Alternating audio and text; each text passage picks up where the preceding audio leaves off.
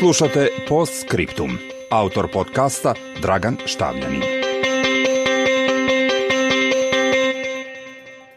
Omogućavanje kineskom lideru Xi Jinpingu da vlada doživotno može imati dublje posljedice nego čak i vizionarski potez Deng Xiaopinga 1980-ih o postepenom otvaranju Kine, pre svega na ekonomskom planu, a na političkom da ograničavanjem ostanka na liderskoj poziciji na dva mandata spreči apsolutizam vlasti, imajući u vidu katastrofalne posljedice vladavine Mao Tse-tunga. Xi Jinping je ukinuo veoma važan element pomenutih reformi što mu omogućava dalje učvršćivanje moći, kakvu nije imao ni tvorac kineskog čuda Deng Xiaoping.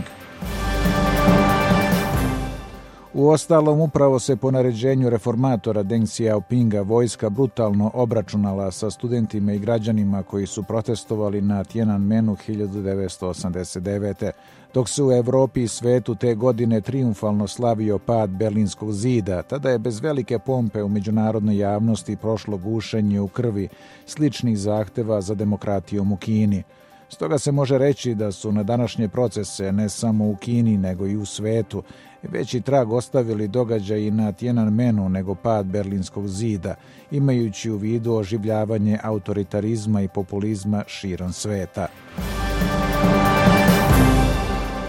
Iako je na svojoj koži osjetio maoističku diktaturu tokom kulturne revolucije, provevši sedam godina na prinudnom radu, kritičari optužuju Sija da primenjuje maoističke metode. Pažljivo gradi kult ličnosti predstavljajući se kao čovek iz naroda koji ga zove Ujaksi. Kritičari smatraju da je pod parolom borbe protiv korupcije Si zapravo uklanjao političke protivnike. U međuvremenu kineski firewall filtrira sadržaje Facebooka, Googlea i drugih zapadnih mreža, dok se sve poruke na mobilnim telefonima proveravaju, tako da se ne može ništa sakriti od cenzora. To su naročito osjetili na svojoj koži kritičari njegove politike koji su završili u zatvoru.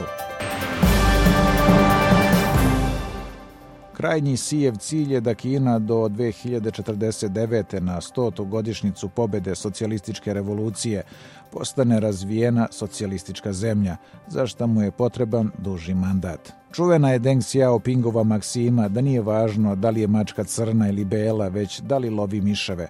Za sada ostaje nejasno da li će Si dalje biti najviše sklon crvenim mačkama, odnosno dominaciji državnih preduzeća u ekonomiji.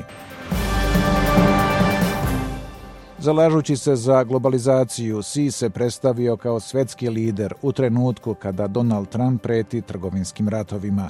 Međutim, nakon posljednjeg poteza, svet se suočava sa novom realnošću da kineski lider može biti i pretnja po globalni sistem, pre nego njegov branitelj.